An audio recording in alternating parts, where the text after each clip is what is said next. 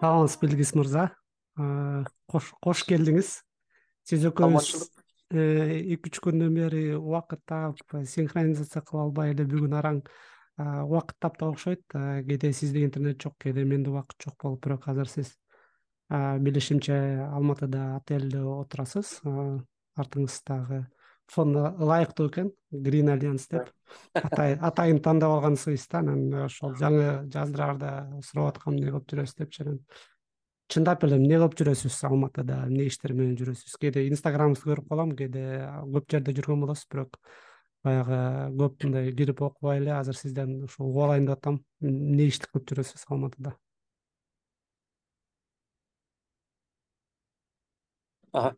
саламатсызбы азамат мырза? Чоң рахмат. Ушул э, жолугушууну уюштурганыңыз үчүн. Эми кыскача айтып кетсем э, мен азыр алматыдамын. Э, алматыда бизде орто азиянын климаттык сет деген бар. Жарандык коомдун сети. Бул жерге беш мамлекет орто азиянын мамлекети кирет. Мен кыргызстандын атынан мамлекеттик координатор болом бизде ар мамлекеттен координаторлор бар. Ошондой айтканда беш координатор бар. Биз э, бул орусча айтканда центрально азиатская климатическая сеть гражданское общество деген бул формалдык эмес э, платформа. Бунун э, өзү эки миң он тогузунчу жылы жаралган. Мунун максаты негизи орто азиядагы климатка өзгөрүшкөн өзгөрүшү боюнча долбоорлорду ишке ашыруу эксперттер менен э, ой пикирлер менен алмашуу негизи ушу орто азиядагы климат чөйрөсүн жаратылышты сактоо жана башка жашыл экономиканы өнүктүрүү туруктуу өнүгүүнү алдыга жылдыруу деген максатта орто азияда негизинде негизинде. Албетте кыргызстанда жашыл альянс кыргызстан деген бар сиз билесиз.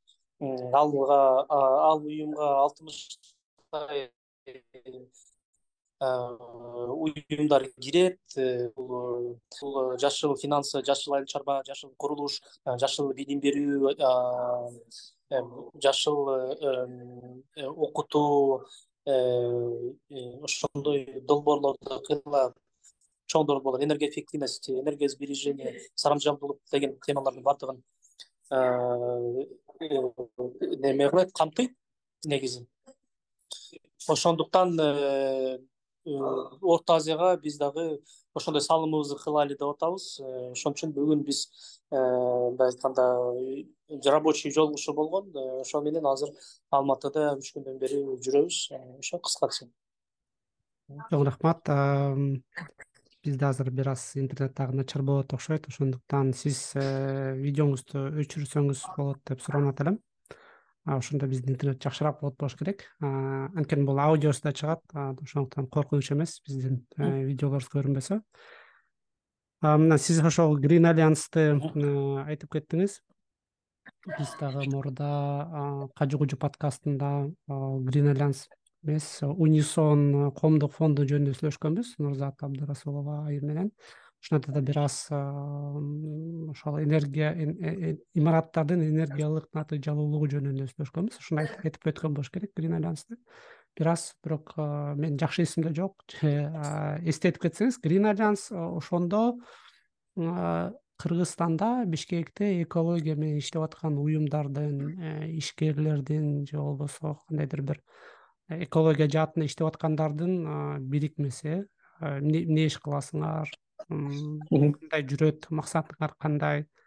Сиз ошондун э, исполнительный директорусуз э ал исполнительный директор алмашып турабы же сиз постоянныйсызбы же кантип иштейт өзү?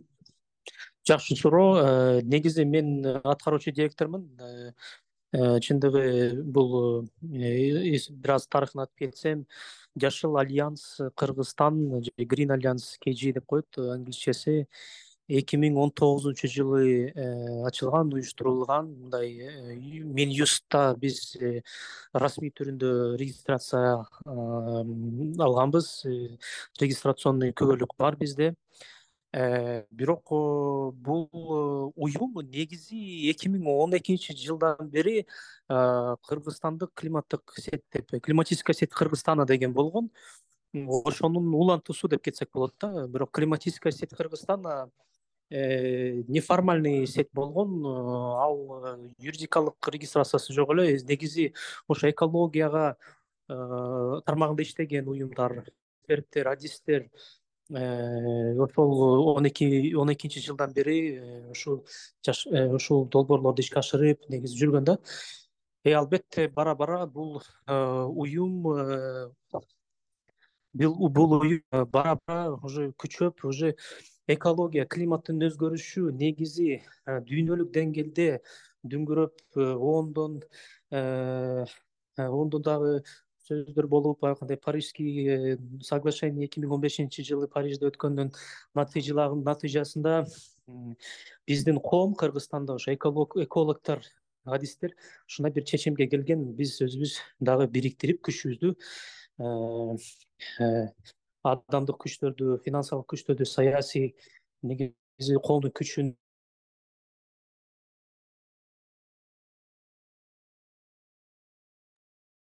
илгиз мырзанын интернети өчүп калды. Грин альянс жөнүндө айтып берип атканда азыр дагы бир эки мүнөт тең кошулот болуш керек. Бизде шаар боюнча группабыз бар. Шаар жөнүндө сүйлөшөбүз бир аздан кийин. Анан ошол группага да жаздым. Кимдерде суроо болсо жазгыла деп. Анан записьти угуп аткандар дагы келип суроо берсе болот элгиз мырза сиз интернетиңиз кызыл болуп калды. Азыр болуп атабы азыр болуп атат. Алматыда экология менен катуу күрөшүп экологияга кырсыктар менен катуу күрөшүп интернет аябай сарптап атса керек. Балким ошондой да бул жерде. Сиз э, грин альянс жөнүндө айтып берип аткансыз экологдор чогулуп биригип алып ушундай э, уюм түзүп иштеп баштадык деп. Ооба биз ошол уюмду бир он чама божомолдо айтканда ондой э, негизи түзгөн э, жашыл альянсты түзгөн уюмдар болгон эки миң он тогузунчу жылы анын арасында юнисон кирет анын арасында дагы башка биздин кесиптеш экоферма деген ассоциация лесопользователей землепользователей хорика дегендер ушулар жана башкалар кирип ошону уюштурган да азыр э, бул толук кандуу ири ар кандай долбоорлорду ишке ашырат жашыл альянс азыр уже эки миң он тогузунчу жылдан бери кыйла эле чоң долбоорлорду ишке ашырдык. Э, эми айтып кетсем мүчөлөр боюнча э, бул баягы альянс да ассоциация. Ошол альянс негизи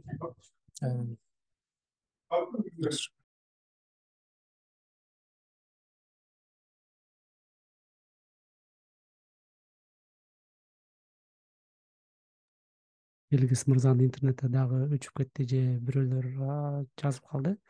Биз азыр мына ютубта көрүп атсаңыздар грин альянстын сайтын ачтык.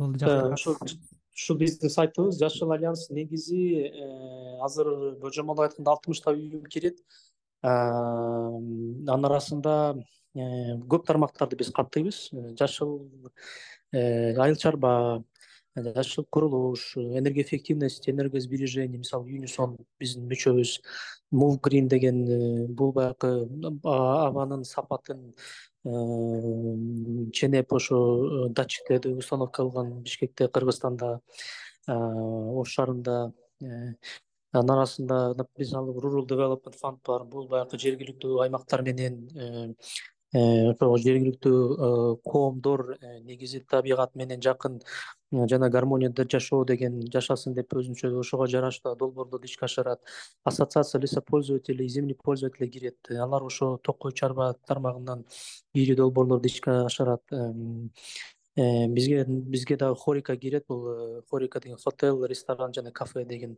э, кыргызстандагы уюмдар ошол кафелерди мындай жашыл жашыл технологияларды жашыл принциптерди өзүнүн күнүмдүк иш чарасына киргизүү максатында ошол долбоорлорду ишке ашырат.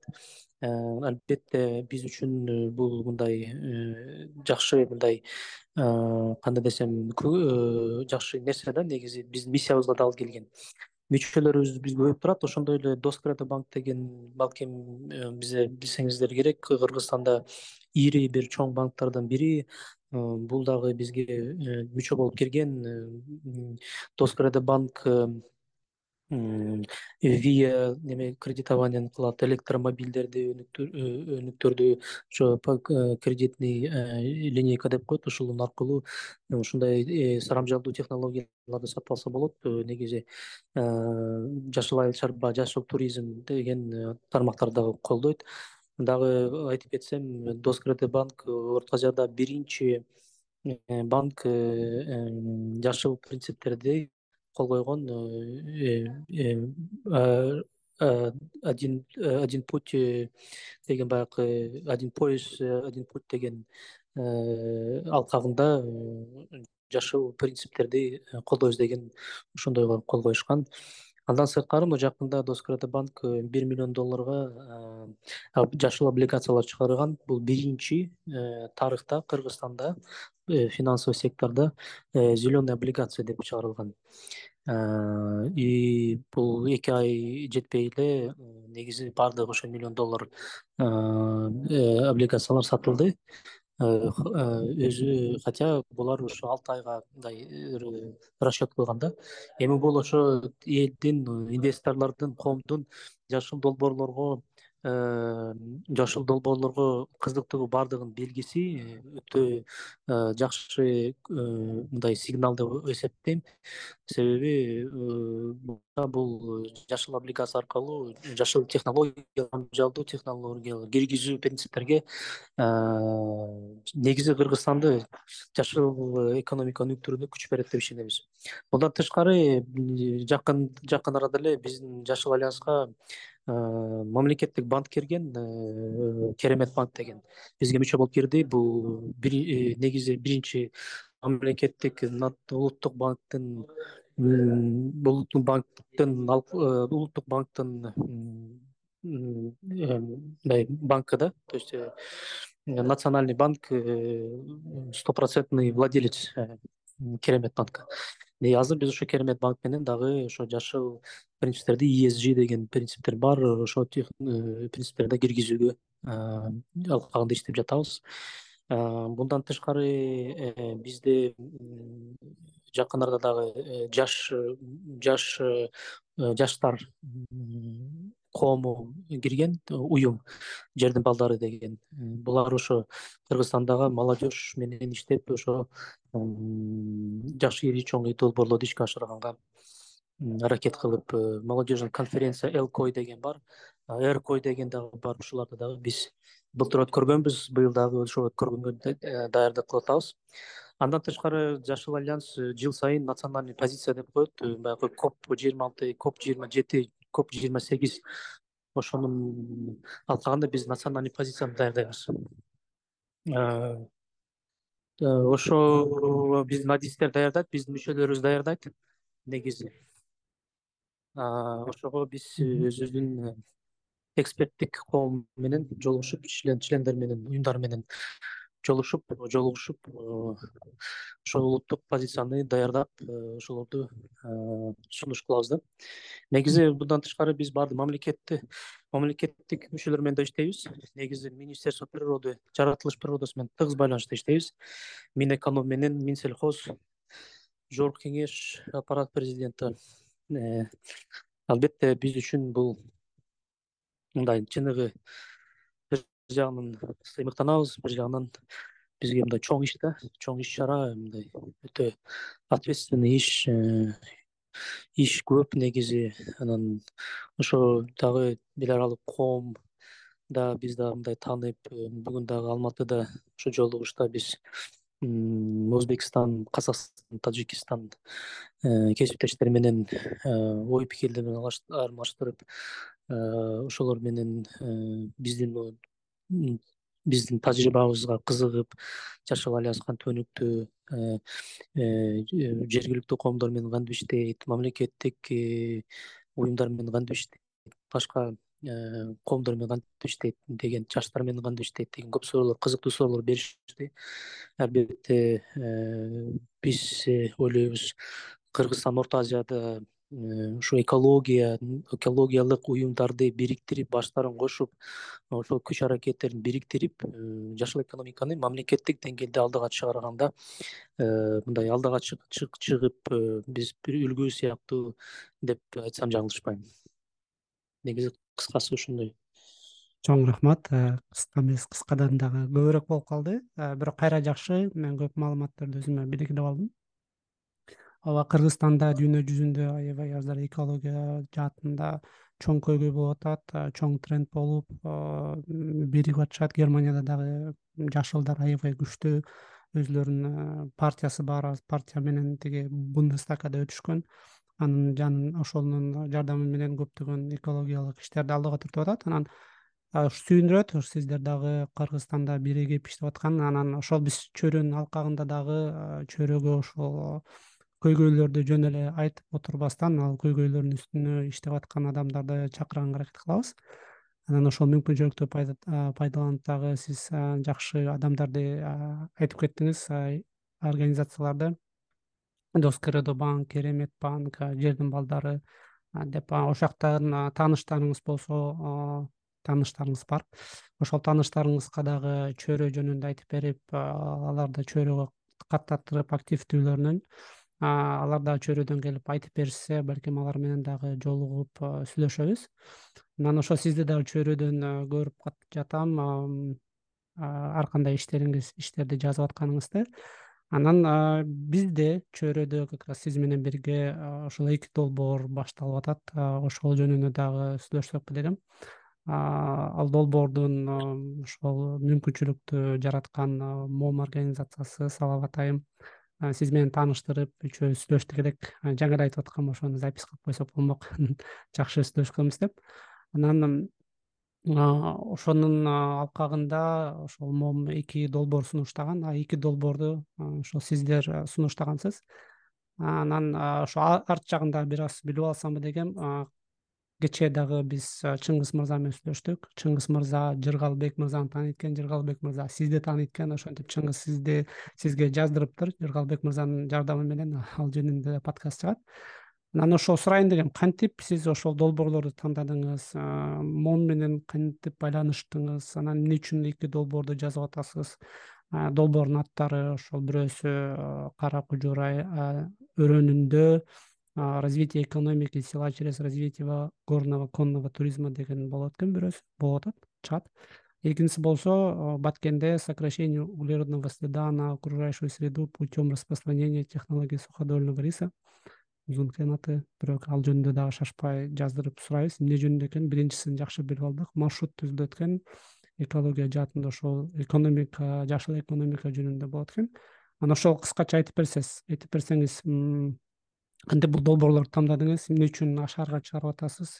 Кантип иштейт деп ойлоп атасыз? Пландары кандай? Чоң рахмат сурооңуз үчүн. Э, негизи э, бул тарыхын айтып кетсем э, бизге жашыл альянска мом международная организация миграции оон чыккан салават айым сиз айтып кеткендей байланышка чыгып жашыл альянска сунуш кылды. Биз ушундай пилотный проектти ишке ашырайлы деп атабыз. Э, негизи бул краудфандинг биздин чет мамлекетте жашаган кыргыздар мигранттарды кыргызстандык мигранттар менен бирге э, ошол э, долбоорлорду экология тармагында жергиликтүү коомго коом экология проекттерин сунуш кылса биз ошо эки пилотный же эки үч пилотный проекттерди ишке ашырганга даярбыз деп айткан. Анан албетте биз жарыя берип э, биз где то бир божомолдоп айтканда ондой же ондон ашык долбоорлорду жазып сунуш кылганбыз. Э, ушул э, биздин экология жергиликтүү коомдун мүчөлөрү. Ошол он проекттерди жазганбыз. Ошонун он долбоорунан экини мом тандады? Негизи биз жашыл альянс муну тандаганына мындай чечим бизден эмес биз биз бизден көз каранды болгон эмес. Момо өзү тандашты биз ошо негизи тандаганга макул болуп иштеп жатабыз. Негизи ошентип эки долбоор тандалган да. Эми биздин ошондо сиз менен таанышканда салават айым бизде ошо ашар деген платформа бар чөйрө деген платформа бар.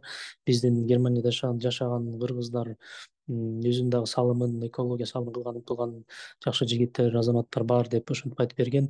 Анан ошо сиз менен ошентип таанышканбыз да. Мом офисинде бишкекте сиз германиядан келгениңизде ошо негизи өтө кубанычтамын. Ошол биз ошо ашар чөйрө платформа аркылуу ошо эки долбоорлор тандалган долбоорлорду ишке ашырабыз деп үмүттөнүүбүзгө үмүтүм менин ушул эки долбоорлорго конный туризм боюнча жети миң доллар талап кылып атышат ошо жергиликтүү коом. Суходольный рис долбоору боюнча кадам жайда беш миң доллар негизи жакшы сиз уже чыңгыз мырза менен сүйлөшүпсүз. Ошол нарындагы конный туризм горно горно конный туризмди өнүктүрүү боюнча маалымат алыпсыз мен сизди ошо бактыгүл айым же ошо суходольный рис кадам жайдагы долбоору менен адамдар менен тааныштырып контакттарды берем. Алар негизи кеңири айтып беришет. Бирок негизи кыскача айтканда менин үмүтүм ошол биздин кыргызстандыктар чет мамлекетте жашаган кыргызстандыктар бир гана германияда эмес францияда америкада же башка ошо батыш мамлекеттерде же японияда каякта болбосо дагы биздин кыргыздар ушул долбоорлорду колдоп кетиңиздер деп чакырып кетет элем үгүттөп кетет элем. Негизи себеби бул жергиликтүү коомдун ошо экология бузулбасын бузулушуна байланыштуу миграция болуп таштап ошо өзүнүн жерин жабат кентти таштабай ошол жерде иштеп калып өнүктүрүп экономиканы экологияга байланыштуу долбоорлорду тандалган долбоорлорду аркылуу үмүттөмүн ошондуктан биз үчүн өтө маанилүү жашыл альянс ушу координатор кыргызстанда ушу баардыгы топтолгон акчаны жашыл альянс жергиликтүү коомго которуп ошого финансовый отчетторду таттыктап жакшы кылып беришет. Биз ошого өзүбүздүн баардык күч аракеттерибизди жасайбыз. Мен үчүн бул өтө принципиалдуу долбоор. Себеби эми чет мамлекетте кыргыздан тоже акчасын бекер бербейин бергенге жараша бир мындай маанилүү долбоор болсун деп ошолордун үмүттөрүн актайлы деп актайлы деп аракет кылабыз албетте. Ошого мен дагы бир жолу айтып кетет элем. Коркпой бизди колдой бергиле бул баягы финансовый жагын биз полностью отчет кылып жыйырма пайызын биз ошо долбоордун шарты боюнча жергиликтүү коом өзү салым кылат. Биз ошолордун баардыгына отчетторду көрсөтөбүз. Рахмат ооба жакшы ырас айтып кеттиңиз. Мен мен дагы жакшы түшүнүк алып алдым. Анткени ушундай коркунуч болот да кээдечи. Мисалы биз акча которуп бергенге даяр болгон күндө кимге которуп беребиз? Ал акча каяка кетет? Кандай отчет болот? Анан ошо жергиликтүү элдердин лидерлери ким? Аларды текшерилгенби? Балким орто жолдон жоголуп кетеби баягы биз кыргызстандан өскөндүктөн мындай бир аз коркунуч болот. Анан ошол сиздер э, сунуштап анан сиздер ошол жергиликтүү жамаат менен контактта болуп аларды билесиздер алар менен катнаштасыздар анан. Артында дагы мына биз силер берген акчаны отчет кылып кайсыл жака кантип кетип атат бүт көрсөтүп беребиз дегенде.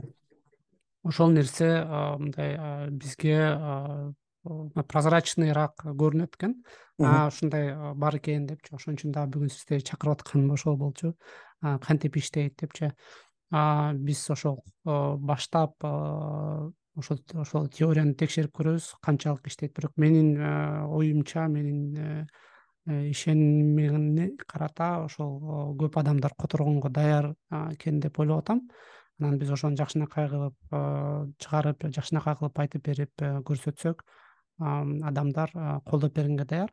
Анын үстүнө бир жолу ошону текшерип алсак башка көйгөйлөрдү да ушинтип биригип ашар менен иштесек болот анан бир гана ошол акча которуп которбостон андан тышкары азыр ошол технологиялар өнүккөн заманында адамдар биригип ким жардам берем десе кошо кошулуп жардам берип балким ошол жамаат менен бир как бы мындай коом коомчулук болуп мындай туруктуу болуп өсүшүнө жакшы бир мүмкүнчүлүк болот деп ойлойм. Анан сиз дагы жакшы айтып кеттиңиз. Адамдар өз жерин таштап кетпестен ошол жакта жашап жергиликтүү жергиликтүү коом ошол жерин өнүктүрсө кандай сонун керемет? Туура туура бул жагынан албетте бизге дагы мындай ответственность да жашыл альянска ушундай кыргызстандыктар чет мамлекеттен акчаны бекер мындай э, коротпой эле деньги на ветер болбосун да. Биз бул жактан өтө принципиалдуубуз мен үчүн өтө маанилүү. Мен дагы мындай бир жагынан э, ошо ответственностьти сезип э, мен ошо жергиликтүү коомдор менен тыгыз байланыштамын алар менен мындай өзүлөрү менен жолугушуп телефон ар дайым сүйлөшүп аларга ар сүйлөшкөн сайын бул долбоордун э, э, серьезность деген э, серьезный подход кылгыла негизи аларга да түшүндүрүп айтам. Бул баягындай донор эмес бул международный эл аралык уюм эмес бул биздин эле кыргыздар чет мамлекетте жашаган өзүнүн пешене тери менен акча табышкан дегендейчи ошон үчүн буларга дагы биз мындай ответственность. Негизи биз ошону жакшы ишке ашырышыбыз керек. Биз милдеттүүбүз деп ошолорду түшүндүрүп э, куюп дегендей э, айтып берип турам. Постоянно ошол видеолорду тарткыла көбүрөөк тарткыла. Мындай маңызын маңыздуу маанилүү жана мазмундуу кылып тартып ошоло түшүндүрүп алар дагы ыйнала турган турган анан ошонун акчасы бекер эле кетирбей ошо чындыгы ошо коомго салынгыла турган э, долбоор Э, болот экен ишениш керек. Алар дагычы анан биз анан видео отчет жасайбыз э, фото отчет жасайбыз финансовый отчет жасайбыз. Ар тыйын каяка кетти дегенчи полностью бул жагын контролдоп буюрса ушу бизге дагы бул пилотный проект ошон үчүн мен дагы үмүттөмүн бул жакшы өтөт депчи. Ошого негизи мен дагы өзүмдүн страницаларым бар чөйрө страницам бар фейсбукта негизи Э, инстаграмда бар линкдинде бармын. Ошого негизи ошо биздин э, кыргызстандыктар чет мамлекетте мен менен деле туура эле байланышкысы келсе мен ар дайым э, ачыкмын да байланыштамын ошо? Кыскасы. чоң чоң рахмат. Ырас жакшы эстетип кеттиңиз. Чөйрөдө страницаңыз бар анан айтмакчы ошол чөйрөгө кирип дагы сиз дагы жазып туруңуз. Өзүңүздүн баракчаңызга эле эмне жаңылыктар болуп атат? Бул долбоор жөнүндө же башка долбоорлор жөнүндө же ошол долбоорлор жөнүндө кандай жардамдар керек? Мисалы кандай эмне кылдыңыз? Анан дагы эмне кылган атасыз жазып турсаңыз болот. Анан мен дагы башка биздин угуучуларга же келип сүйлөшүп аткандарга да айтам. Келип ошол чөйрөгө жазып тургула эмне кылып атасыз ошол кылган нерсеңиз бүтө электе ошол процесстечи. Анткени биз билебиз бүткөндөн кийин анын артында көп жумуш турат. Ошол жумуштардын бир чекесин көрсөтүп анан ошого чогуу аралашып э, иштешкенге анан буюрса ушул биригип алып иштесек жакшы болот деп ойлойм. Ооба буюрса ошо эки долбоорду чыгарабыз эки долбоорду ошол кошулуп э, иштейм дегендерди дагы кошуп атабыз группага чөйрөнүн ичинде группабыз бар. Кошуп алар менен биргеликте уже жумуштарды баштадык анан сиз берген контакттар менен дагы байланышып буюрса мен дагы жаздырам. Долбоор жөнүндө кантип иштеп атат аны тааныштырып. Буюрса баары жакшы болот менин оюмча биз жакшы жакшы эле маалыматтарды бөлүшүп алдык окшойт эми. Да да да жакшы эле жакшы эле маалыматтарды бөлүштүк. Э, негизи ошо менин жагыман ошо айта турганды айттым. Э, чөйрөгө анда мен сиздин сунушуңуз боюнча бат бат информацияны берип турам. Анан дагы кошо кетип турган жерде youtube жашыл альянстын youtube каналы бар.